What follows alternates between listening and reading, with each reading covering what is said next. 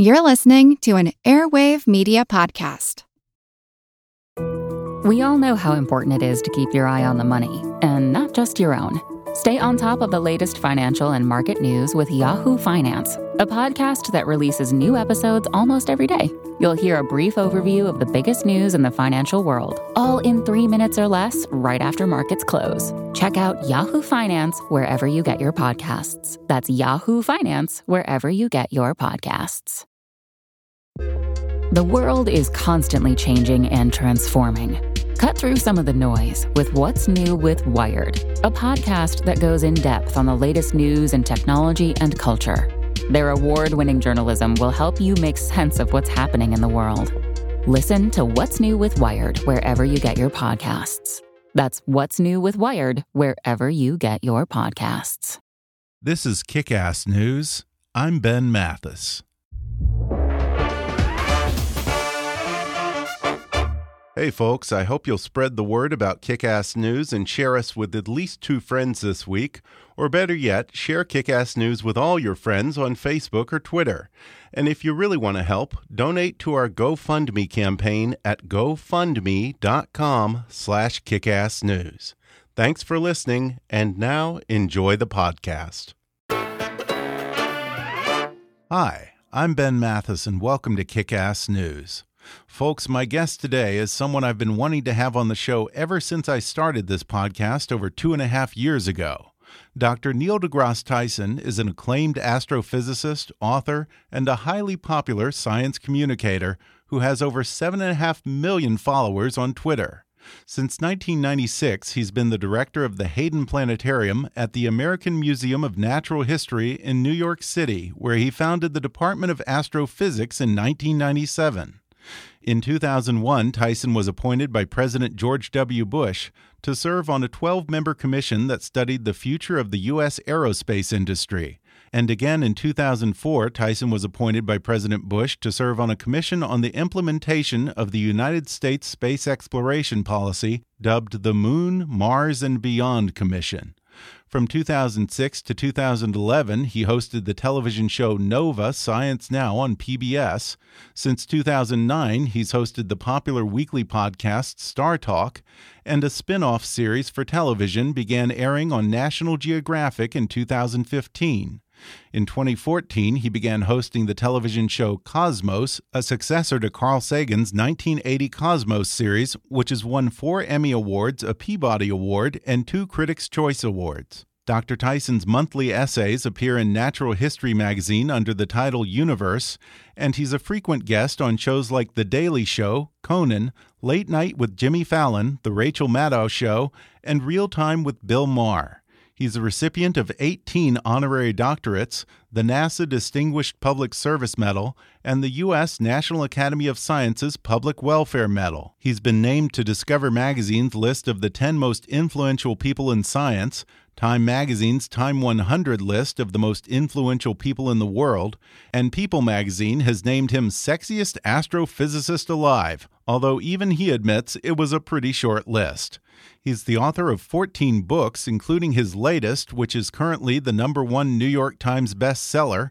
It's called Astrophysics for People in a Hurry in which he brings the universe down to Earth, explaining things like the Big Bang Theory, black holes, and quantum mechanics succinctly and clearly with a signature wit that has made Dr. Neil deGrasse Tyson a household name. On today's show, Dr. Tyson will explain why he wanted to write an easily digestible book of space science that's not for dummies, but for people who want to learn more and don't have the time in their busy lives. He discusses how he uses popular culture to interest people in space and shares his thoughts on how movies and television portray science. He reveals just how rapidly the universe was born and why the debate over the Big Bang Theory versus intelligent design really shouldn't be a debate at all, because as he says, science doesn't care about your opinion. Plus, we talk about wormholes, Einstein's thought experiments, what's in the dark areas of the night sky, how to gain what he calls a cosmic perspective of the universe, and whether Pluto can ever get back in his good graces. Coming up with the brilliant and funny Dr. Neil deGrasse Tyson in just a moment.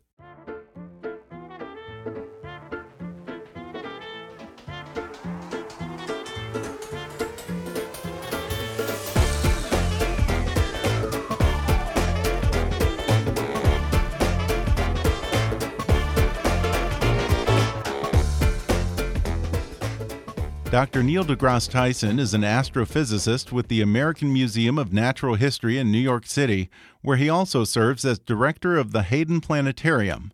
He has a new book that's number one on the New York Times bestseller list called Astrophysics for People in a Hurry. Dr. Tyson, I'm delighted to finally have you on the podcast. Well, thank you, but only if you're in a hurry. That's what this book is about. if, if you have time, no, this is this is the wrong interview. I have all the time in the world for you. Okay. Um, I, it's an interesting title because I wonder, were you tempted to call it Astrophysics for Dummies? Oh, well, so first, that title was already taken. But second, it's not for dummies. It's for people who are curious, who are busy, you know, have a full time job or full time in school and have kids, whatever. But you retain a level of curiosity about what's going on in the universe, and you want to sort of consummate that that that curiosity. And and and this is a book that enables that to happen, but that nothing is dumbed down in it. It's not a it's not a a well let's sit down and let's no no it's like it, it's in your face and it's a it's a curated offering of some of the most mind-blowing things in the universe which ideally will pique your appetite beyond the book because it's, it's a book of an accessible length and if, if after this you say wow i want to learn more about the, the, the the, the multiverse and dark matter, dark energy, then you go on to long books and long videos and whatever else. But this this will enable you to be fluent the next morning at the at the water cooler at the office. Yeah, because you're dealing with a lot of things like black holes and dark energy, dark matter, things that people probably have seen a headline about, but may not really have a detailed understanding of exactly what they are. But there's certainly things that have probably rung a bell at some point with people. Yeah, precisely. So, uh, you know, and also exoplanets. These are words and terms mm -hmm. we know you've heard. You, and you, we know that you, it piqued your interest when someone mentioned it. And this organizes that information into a coherent arc from the beginning of the universe right on through uh, the final chapter, the 12th chapter, which I call Reflections on the Cosmic Perspective, which is how learning about the universe can transform who and what we are relative to civilization, to the earth, and to the universe itself. Yeah, and I really enjoyed it. I thought it was really easily digestible. Um, I wonder when you were a kid, say in elementary school, and learning about science, what was the first revelation that really blew your mind? Uh, okay, my, the first visual revelation was the sky of my local planetarium, the Hayden Planetarium here in New York City, where I'd just never seen a night sky like that growing up in New York City, where you look up, the first thing you see is a building, and then there's light pollution, and in my day there was air pollution.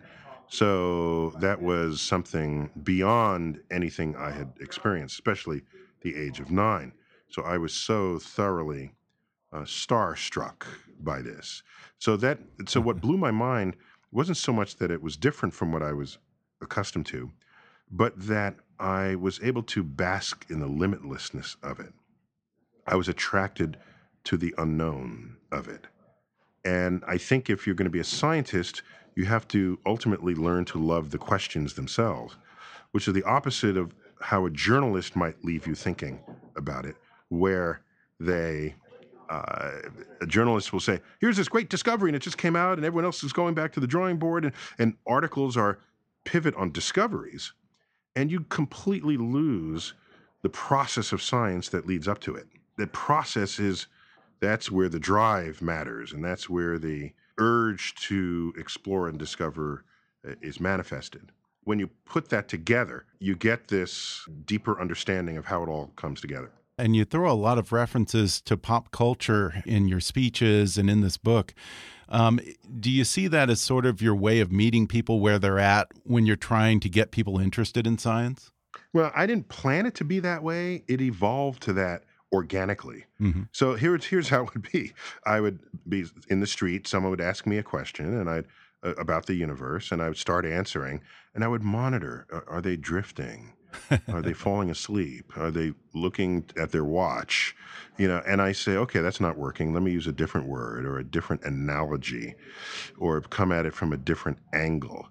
And so empirically, the trial and error of trying to communicate in a way that keeps people's interest landed me on the fact that if you come to the come to the party with a scaffold of pop culture, if I clad your scaffold with science, Mhm. then you are already halfway there because I don't have to explain to Yeah. you who Beyonce is or what Game of Thrones is or what you know um, or who Spider Man is or Iron Man. You know, there's just things that are out there Yeah. that we've all heard of, whether or not you are followers of these things.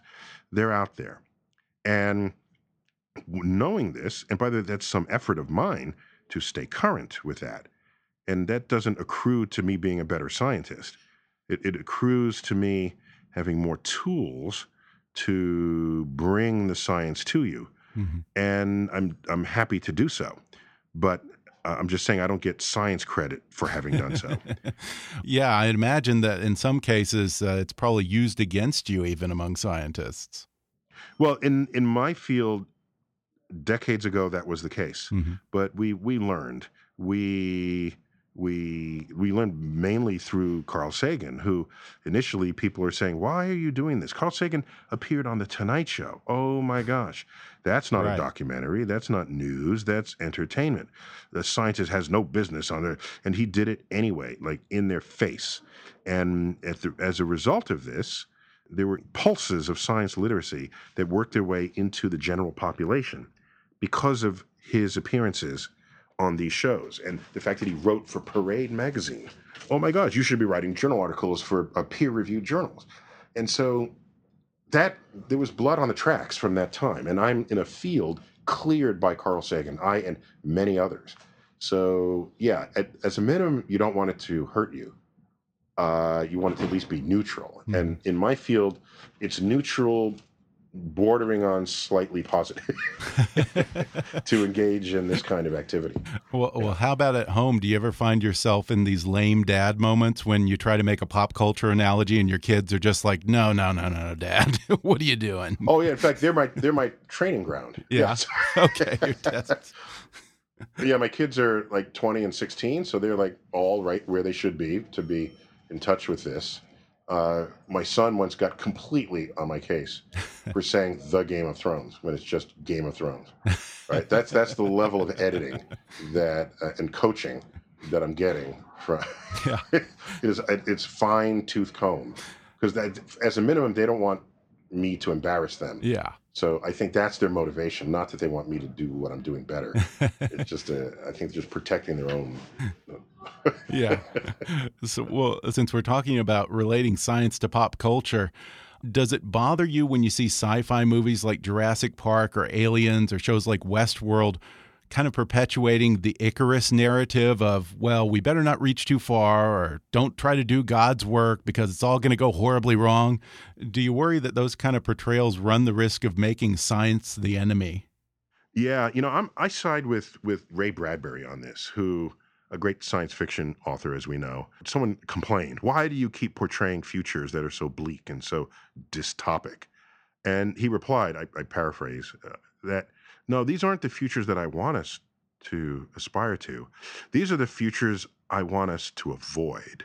So when scientists are shown involved in projects that end up completely counter to the progress of civilization and humanity, almost always the person in charge or has power is not a scientist. It's some evil doer, some politician, some uh, some despot, and they've taken control of the scientists' experiments to use for nefarious uh, means. That's typically what happens. Okay. And that's actually more accurate than a scientist achieving some position of scientific power and then wielding it in a high position of political power. But Okay. you just never see that. So you're not the bad guy here. You're the good guy. You're just the conduit for bad things sometimes. Well, As a scientist. I'd like to think that uh, that I, as a scientist, and my fellow scientists, we have wisdom to guide society and how to use the tools and methods, uh, how to use the new inventions that might come out of our scientific ideas. You don't want to be completely disconnected from it. Right. in the way Einstein knowing about E equals mc squared because he invented the equation, discovered the equation, that he noticed that Nazi Germany was working on a bomb. He warned Roosevelt if they make a bomb before we do, that could completely change the course of the war. We started making the bomb. And then he saw that Germany was done. We were conquering Germany. There's no way they could be sustaining the effort to make a bomb. Then he urged Roosevelt to stop, but we continued. Well, speaking of Einstein, in the book, you point out that Einstein hardly ever set foot in a lab. He didn't test phenomena or use elaborate equipment. He performed what he called his famous thought experiments. Um, today, science seems so high tech uh, with lots of fancy toys, and scientists are working on more esoteric things like quantum physics. Is there still room for a lone guy like an Einstein or a Newton to just sit and think on a problem and suddenly have that kind of game changing aha moment that overturns our understanding of reality? Yeah, I think. Oh, by the way, his uh, Einstein's, just to be clear, mm -hmm. Einstein's relativity theories didn't overturn Newton's theories of motion and gravity. Mm-hmm. What they did was they subsumed them. So, for example, if you write down Einstein's equations and you put low speeds and low gravity in his equations, they become Newton's equations. Huh. So, we learned that Newton's equations are a limiting case of a deeper understanding of the universe. So, in this sense, it's not that scientists go from one truth, oh, that's not the truth anymore. Let's go walk over here to this other truth and we'll hover here and defend it to death until we have to move to some. That's not how science works. That's a caricature of how science works. And so, there's nothing, nothing in principle to prevent a scientist sitting in an armchair. This, in this capacity, it could be a philosopher as well, and deducing the nature of the universe through thought experiments. Here's the problem the challenge is you don't know what's not known without experiments, and you don't know what is known without experiments. Right. So somebody's conducting these experiments. The, the difference is you can no you can no longer really do that in your home lab. Okay. You can't. we, those are huge collaborations. So the Large Hadron Collider particle accelerator, for example. Right. That's a there. There are thousands of scientists working on that so, so, so with that, you the experimentalist is a collaboration. The theorist can still be kind of a lone wolf, mm-hmm. but they'll have to at some point be referencing the the scientific results as they come from experiments that are conducted. Yeah. And in your book, Astrophysics for People in a Hurry, you open with the admonition that the universe is under no obligation to make sense to you. That's for damn sure. Which reminds me of your t shirts that you say, uh, science doesn't care about your opinion. Do you think society has gone a little too far with this idea of, well, there are no wrong answers? Everyone gets a trophy. Yeah, they're, com they're completely wrong there. So, what, but I, I don't want to beat them on the head. I want to say, unfortunately, in your schooling, you did not learn what science is and how and why it works, and that it is the most potent means of establishing what is and is not true in this physical universe than anything else we have ever devised. So that's how you need to think about mm-hmm. it. And if they had that understanding, they would not be going forward with, with that level of skepticism of established science. We're going to take a quick break, and then I'll be back with more with Dr. Neil deGrasse Tyson when we come back in just a moment.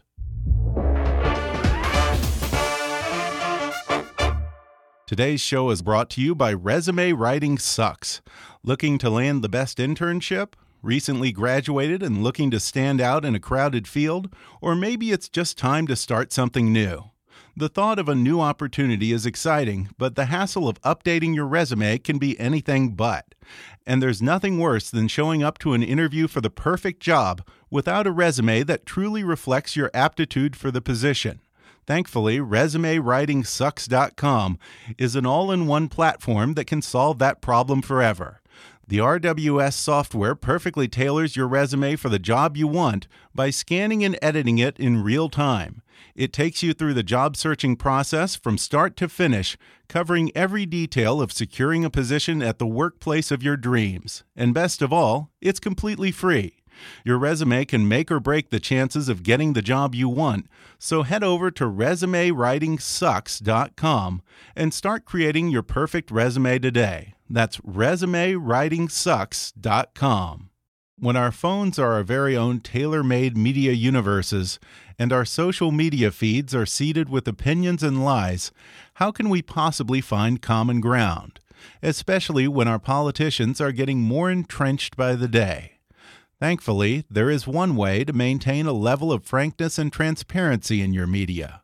Listen to On the Media, WNYC's weekly investigation into how the media shapes our worldview. While maintaining the civility and fairness that are hallmarks of public radio, the team at On the Media tackles sticky issues and untangles this era's most intractable questions. Brooke Gladstone and Bob Garfield are your hosts on a search for the truth in a 24 hour news cycle. Catch them on their weekly podcast, On the Media, on Apple Podcasts, Google Play, Stitcher, Spotify, or wherever you get your podcasts. And now, back to the show. Do you ever get people who say, well, what's the difference between your Big Bang Theory and my opinion that the universe might have been created by some sentient being? Oh, because we have data. That's the difference. yeah. And your next point is we, have, we have observations, experiments that give us data Yeah. in support of the idea that the universe was once the size of a, a pinpoint.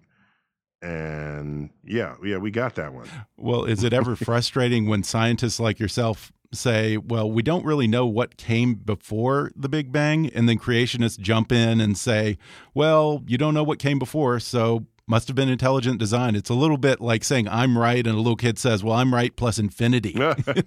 so, so the it, it's not disappointing. The fact that there are unknowns that remain in my field, those are exciting. They're not disappointing. They're exciting. And right, we don't know what was around before the Big Bang. We have some ideas. There might have been there might be a multiverse. That multiverse would still be there in existence. If you now want to say, well, you don't know what that is, therefore God. Well, the philosophers have a term for this. It's called God of the gaps. Mhm. And I've said this on video, but it's been misquoted uh, many times. But here's the full the full quote: If to you God is where science has yet to tread, then God is an ever receding pocket of scientific ignorance. And then, so you just got to deal with that. Yeah. Right. And so considering that if you can if you if that's what it is, then you have to be ready to constantly redefine who God is to you, Mhm. simply because science is working its way into those realms where God has yet to tread. And you do start the book by talking about the Big Bang. Um, you illustrate just how quickly the universe expanded in those first moments. Can you run through the rough timeline of the birth of the universe for us? Sure. So you go back to the early universe, where all of our evidence shows us that the uh, the universe was hotter and denser in the past than it is today, and than it will be in the future. You take this all the way back 14 billion years. The universe is a seething cauldron of matter and energy transmuting into one another back and forth incessantly. As the universe begins to expand and cool, you end up, quote, freezing out of this soup certain particles that no longer can become energy because the energy level of the soup isn't high enough. So you can run the calculations and you find out that, yeah, it's going to make atomic nuclei, 90% of which will be hydrogen and 10% helium. You calculate this, and as the universe continues to cool, does it make more particles? No, because it can only make heavier particles under higher temperatures. But in higher temperatures, it didn't even have the base particles to make heavy elements yet. You, you run the clock and you see what effect these various conditions have on the behavior and conduct of matter and energy. And that's how we come up with all these scenarios that sound like, like we were there, but uh, giving the other ancillary bits of evidence we have, it enables us to construct a narrative for what actually happened. What amazed me is that it sounds like the biggest part of this happened within a matter of seconds or milliseconds. oh, from from a teeny yes. dot to this expansive universe. Yes, and that's part of the the fun way to describe it. I give a whole a whole description that the forces themselves are revealed in the expansion of this primordial soup, and then the earliest particles and neutrinos are released, and and all of this, and then I say, then I say, one second of time has passed yeah. since the beginning. yeah. So yeah, that's that's so the book begins that way with a chapter titled in the beginning. Of course, that's how you'd want to begin a book. Yeah, it definitely puts things in perspective. Uh, astronomers used to look into the sky and assume that wherever we didn't see light, there was just nothing there. Turns out there's a lot going on in the cosmic flyover country. Uh, what's in the dark regions of space? Yeah, so in the dark regions of, of, of between the galaxies of space, we find uh, there's a there's a mysterious substance that's that's responsible for most of the gravity we see manifesting in the universe, and so we call that dark matter. But we don't even know if it's matter. It's really dark gravity because we measure the effects of gravity on things. Uh, so, so there's that. Then we know that there's a mysterious pressure in the vacuum of space, forcing the universe to accelerate in its expansion. We call that dark energy. We don't know what's causing that either especially since it's operating against the wishes of gravity. So that's some spooky stuff. we don't know what that is either. And you combine these two and they permeate intergalactic space. They account for 95% of everything that's driving the universe. Wow. And this dark energy that you just mentioned, it's a little bit depressing because you say that because of dark energy, anything not gravitationally bound to the neighborhood of the Milky Way will keep receding farther and farther does that mean that the day may come when we won't be able to see anything outside of our own galaxy? Yes, in fact, and that's the spookiest part. It, as things begin to accelerate, you'll accelerate galaxies out of your horizon and sent it into the unknown beyond. Everything in our night sky, other than the stars, but I'm talking about all the fuzzy objects that represent galaxies that span across the depths of time and space. All those galaxies will eventually expand beyond our horizon, leaving us with no hint of what the history of the universe might have been. And I, this is a nightmare for me because we we we do this, and then I say, "Oh, um, you're out of a job." uh, uh, we, as far as we know, they're just stars.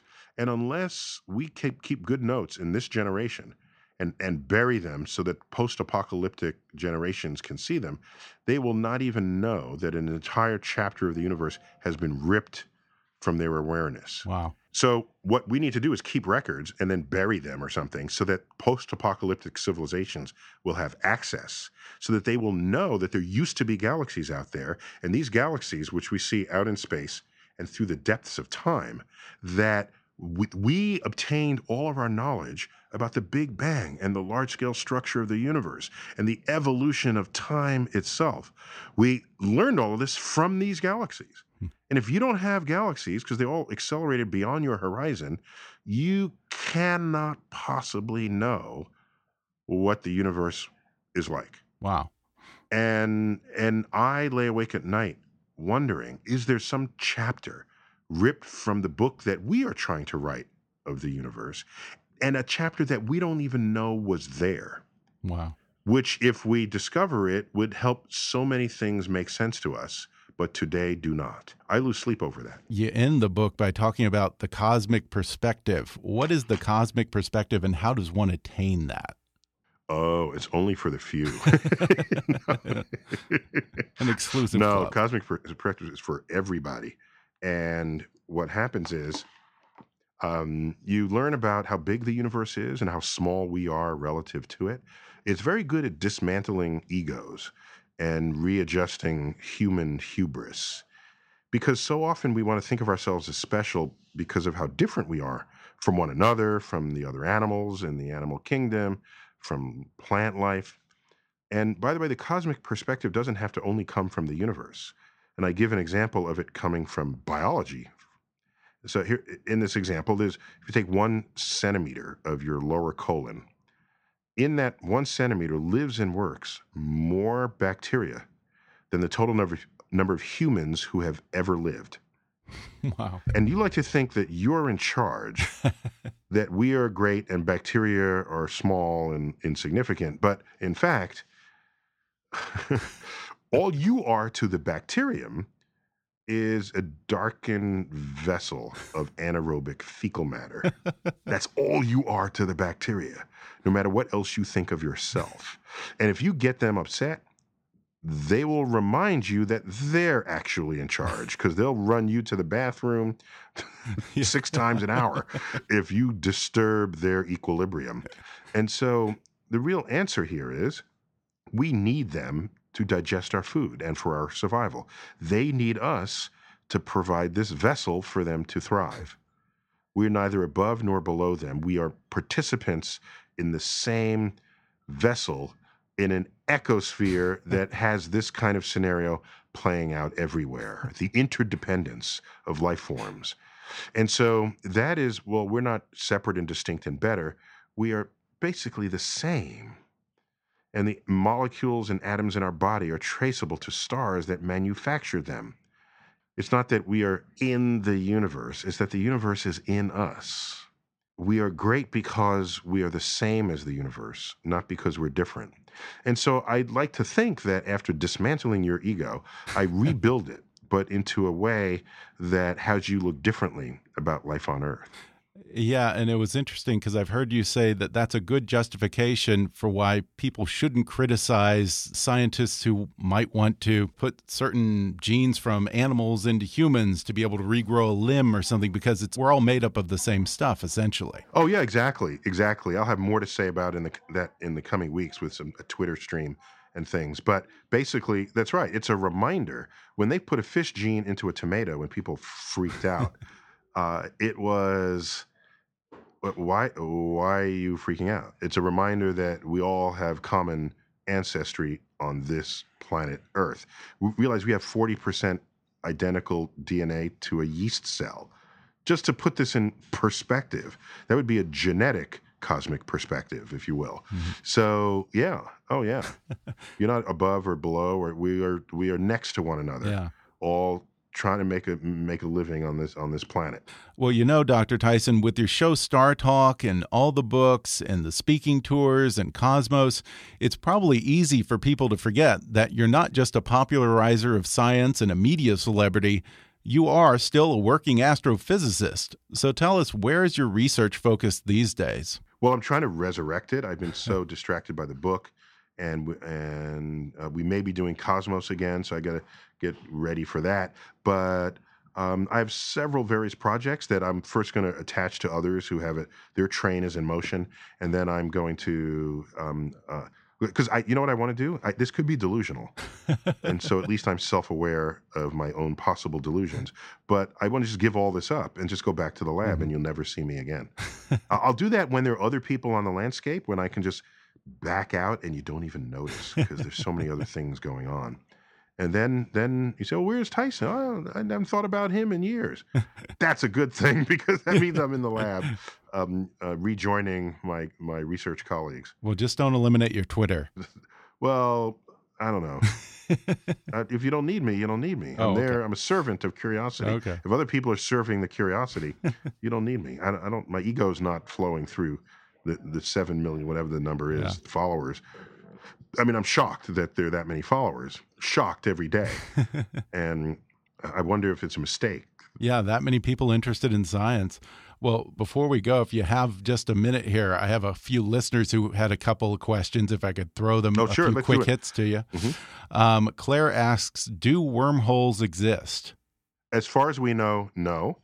And we know how to make one on paper not out of paper, but the, the, mathematics on paper. We know how to make one, but all evidence shows that they're highly unstable.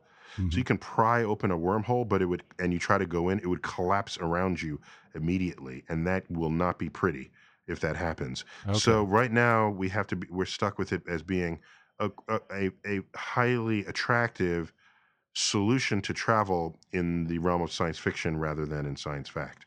Okay. Now, it would antimatter be able to counteract that? So antimatter is a normal part of, of matter that we have in our in our lives. Uh, we invented it before science fiction writers got a hold of it. I, I feel compelled to tell you. So, not all the cool ideas came from novelists, Yeah. right? We have a Dan few, Brown didn't few create of it. our own. so, uh, antimatter is, when combined with matter, is a potent source of energy, and it, it annihilates when you combine it with matter. You would need all the ways possible to distort the fabric of space time to make a wormhole and and and or to or to provide the energy matter combination necessary for that. Uh, so antimatter is, like I said, a highly potent source of energy, but but not something we see as a solution to those challenges. No. Mhm. Well, before we wrap up, real quick, is there any scenario in which Pluto could regain its title? Get over it. okay. yeah, Pluto went to the gym and built up some muscle, and it became bigger and and more significant in its orbital space. Maybe.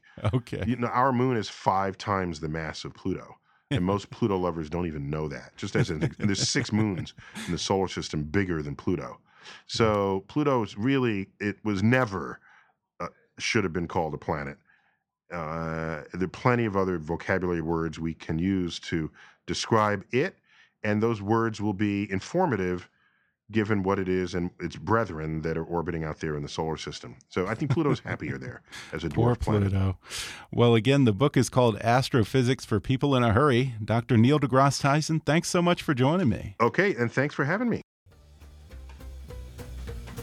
Just a reminder that On the Media is WNYC Studios' weekly podcast investigating how the media shape our worldview.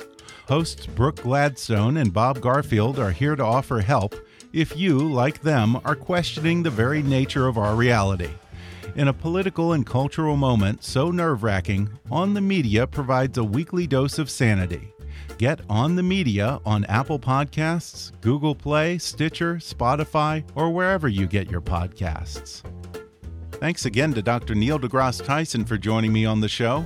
You can order his number one bestseller, Astrophysics for People in a Hurry, on Amazon, or download the audio version for free with a special trial offer just for our listeners at audibletrial.com slash kickassnews. Subscribe to Dr. Tyson's fascinating weekly podcast, StarTalk, on iTunes or wherever you get your podcasts. For more information, visit startalkradio.net. You can learn more about Dr. Neil deGrasse Tyson and the Hayden Planetarium at haydenplanetarium.org slash Tyson and join his 7.5 million followers on Twitter at, at Neil Tyson. Be sure to subscribe to Kickass News on iTunes and leave us a review while you're there. Don't forget to take our listener survey. It only takes five minutes at podsurvey.com/kick. You can visit Kickass News on Facebook and follow us on Twitter at, at KickassNewsPod. And be sure to recommend Kickass News to your friends on your social media. And if you really want to help out, then donate to our GoFundMe campaign at gofundme.com slash kickassnews or click on the donate button at kickassnews.com. As always, I welcome your comments, questions, and suggestions at comments at kickassnews.com. For now, though, I'm Ben Mathis, and thanks for listening to Kick Ass News.